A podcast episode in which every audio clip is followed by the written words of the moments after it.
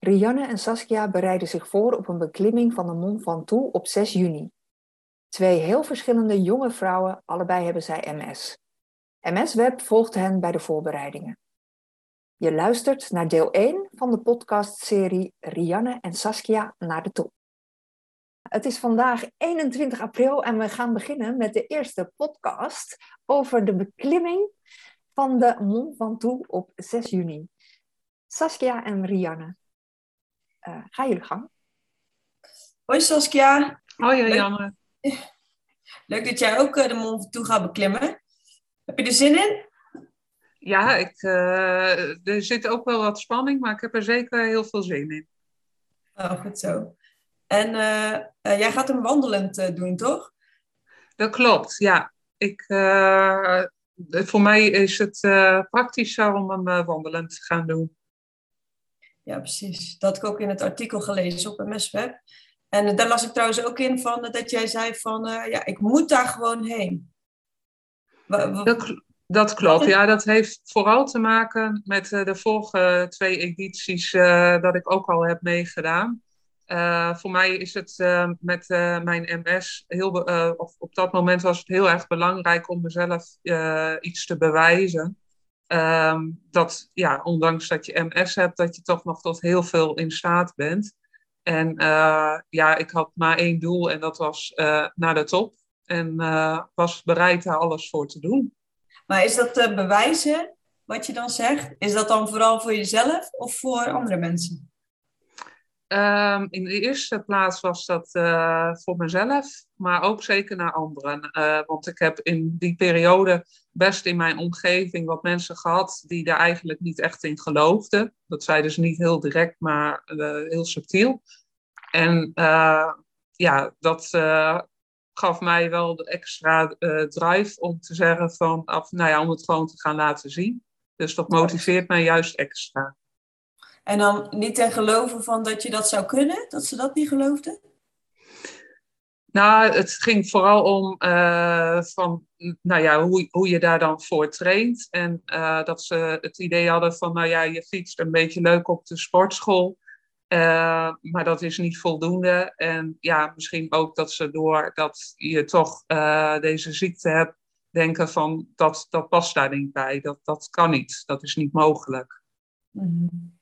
Ja, ik snap wel dat je dan denkt van uh, dan ga ik jullie eens even bewijzen dat het anders zit. Ja, dat, dat, dat is precies zoals jij het zegt. Zo, zo was het. Ja, precies. Ja, en wat je zegt van dat je ook voor jezelf doet, daar herken ik ook wel veel in. Want ik heb ook wel vooral dat gevoel van, ik wil gewoon zelf heel graag ervaren dat dat mogelijk nog is, zeg maar. Ik, ja. Het is echt een mega fysieke uitdaging. Ook, ja, jij hebt ook volgens mij wel veel last van je benen, hè? Ja, dat klopt. Ja. Ik heb dat zelf ook, dus het wordt wel echt een, een fysieke uitdaging, maar gewoon het gevoel wat je dan hebt als het dan lukt, zeg maar, dat is zo bizar, ja, dat is zo'n bizar heftig gevoel wat je dan in heel je lijf voelt. En dat, ja, dat wil ik gewoon heel graag ervaren. Daar doe ik echt, daar doe ik het allemaal voor. Dus dat is jouw ambitie uh, op de Mont Ventoux straks? Ja, ja, precies. Ja, ik omschrijf het ook wel eens een beetje als...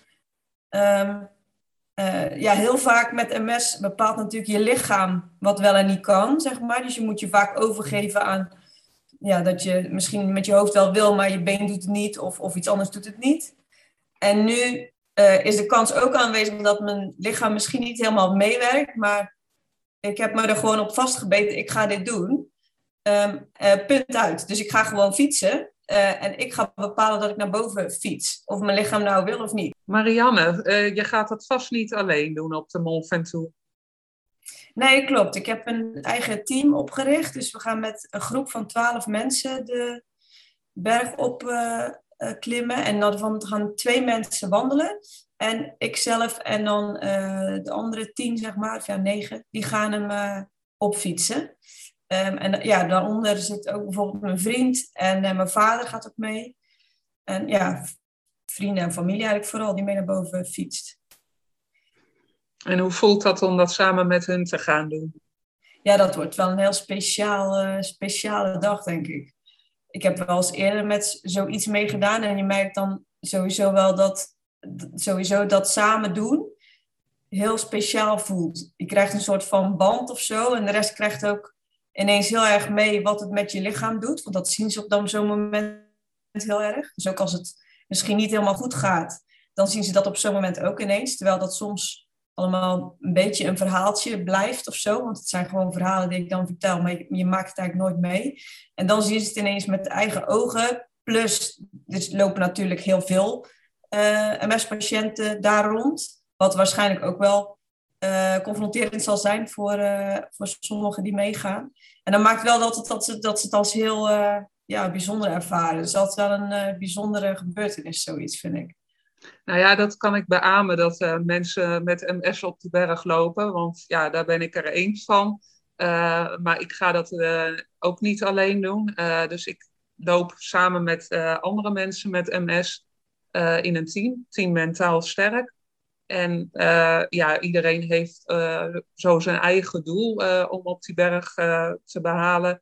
Dus dat kan zijn om één kilometer te lopen. Dat kan al als, als een hele grote uitdaging voelen. Sommigen hebben misschien als doel vijf kilometer of de hele berg. Dus dat is allemaal heel verschillend. Maar we gaan het wel allemaal samen doen. En ja, je hebt op de berg sowieso iedereen die daar is, die steunt elkaar. Dus je zult onderweg waarschijnlijk ook wel de nodige aanmoedigingen krijgen. Ja, precies. En hoe, hoe werkt dat met dat mentaal sterk team? Want kunnen jullie dan, um, zijn er dan mensen die echt alles lopen? En sommigen die uh, gaan ons de beurt of zo? Of hoe, hoe kun je dan je eigen doel daar een beetje in uh, kwijt? Nou, je hebt, uh, als, als je de ambitie hebt, want ik heb dat een keer eerder ook gedaan, de berg opgelopen in, in een team met mensen met MS. En dan kun je, als je de hele berg op wilt, dan begin je bij de start. maar er is onderweg is er een busje waar je elke keer in kan stappen als het echt niet meer gaat. En dan kun je ook weer uitstappen als je denkt, nou, ik kan weer een kilometer lopen. Um, en zo oh is het als je als doel hebt 10 kilometer, uh, kun je bijvoorbeeld ook zeggen van, nou, ik wil de laatste 10 kilometer lopen. Want uh, het is wel de bedoeling dat het, het allerlaatste stuk naar de top, dat je dan sowieso met het hele team uh, dat laatste stuk loopt. Dat je dus wel dat gevoel allemaal hebt om de top te bereiken. Ja, precies. Ja, dat je echt wel die, dat, dat maximale gevoel wat er aan het einde uitkomt, dat je dat allemaal ervaart. Ja, allemaal de top bereiken. Uh. Precies. En, en uh, hoe ga jij dat dan uh, doen met je, met je benen, zeg maar? Hoe denk je dat je benen er, uh, er vanaf brengen? Ja, nou ja, dat is een beetje het verschil met hoe het de vorige, keer twee, vorige twee keer was. want ja, toen werkten mijn benen wel wat beter mee. Toen had ik ook al wel de last van. Alleen het probleem is nu dat, ehm, dat mijn been echt zijn eigen leven leidt en naar buiten klapt. Uh, dus ik, ik ga dat proberen. Of met een orthese loop ik en met stokken. dus, ja. En dan is het gewoon kijken van hoe, hoe ver kom ik. En ja, alles geven wat erin zit. en niet zo snel opgeven. Ja. Maar jij hebt ook last van de benen, toch?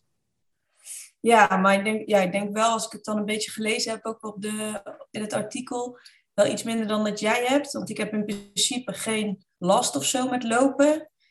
Um, het is bij mij meer, zeg maar, als er echt, uh, ja, als ik zware fysieke inspanning lever, dan beginnen mijn benen wel um, ja, een beetje anders zich te gedragen, om het zo maar even te zeggen. Maar wat ja. bij mij met het fietsen vaak gebeurt, is dat ik dan, um, omdat je aan het fietsen bent, zit je in een soort van flow of zo. Dus je, je trappers bepalen eigenlijk de, de rotondes of ja, de rondes die je maakt. Um, en dat kan ik dan op een of andere manier wel volhouden. Kan wel zijn dat ik op een gegeven moment echt verzuur in mijn benen en dat ik dan gewoon moet afstappen omdat te stijl is bijvoorbeeld. Uh, en dat dat even niet meer lukt. Maar het is dan vooral zeg maar als ik dan aan het einde van de rit uh, waarschijnlijk moet afstappen, dan is de kans wel groot dat ik op dat moment even niet meer kan lopen. Want dan is dat hele beweging, zeg maar, die beweging van dat fietsen zit er dan helemaal in.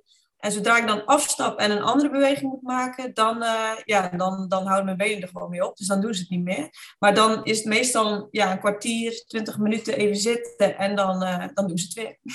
Ja, dat klinkt wel heel herkenbaar. Ja, dat als je uh, vooral dat in de flow komen, dat herken ik wel. Dus als je eenmaal een bepaald ritme te pakken hebt, dan, dan kun je best wel een tijd door.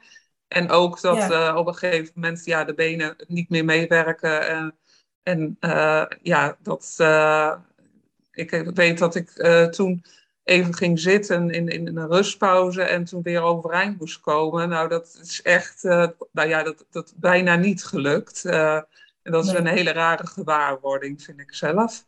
Ja. Ja, ik vind het sowieso iets heel aparts hoor. Ik vind het nog steeds altijd wel um, bijzonder om te ervaren. Ook al heb je het al best wel een aantal keer meegemaakt dat je benen gewoon zo raar doen toch blijft het een hele rare situatie. Dat je, dat, ja, eigenlijk met je hoofd en alles denk je gewoon van, nou, ga maar, doe maar. Maar het, maar het gaat gewoon echt niet gebeuren.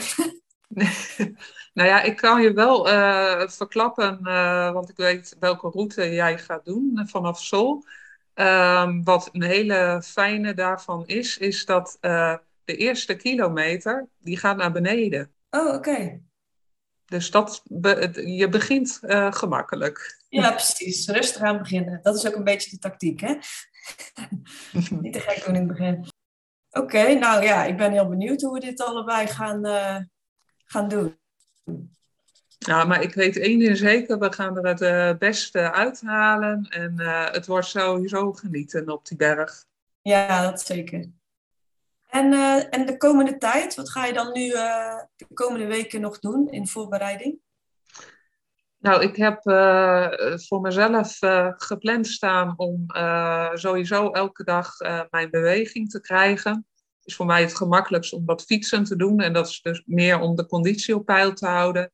En verder wil ik ook, want mijn orthese heb ik nog niet zo lang in gebruik. Dus dat is ook nog een kwestie van daar goed aan wennen. En uh, dus ook wat korte wandelingen bij mij in de buurt maken. En, en jij, wat ga jij de komende tijd ter voorbereiding nog doen? Ik ga de komende week, eigenlijk de komende vier weken, begin ik met weer, ga ik weer verder met een nieuw trainingsblok. En dat betekent eigenlijk gewoon drie keer in de week fietsen. Minimaal anderhalf uur tot twee uur is dan een training. Um, en dit is wel het pittigste blok wat er nu aankomt qua training, omdat ik nog best wel wat um, ja, even moet fietsen om helemaal klaar te zijn voor die beklimming. Uh, en dan doe ik ook nog één keer in de week krachttraining. Dus ik ben eigenlijk vier keer in de week aan het sporten. Dus dat is wel nog even aan poten nu. Maar goed, ik vind, ik vind het niet erg om te doen. Ik, ja, ik heb gewoon heel veel zin in en ik wil zo goed mogelijk voorbereid zijn natuurlijk. Dit was deel 1 van de podcast Rianne en Saskia naar de top. Tot de volgende keer.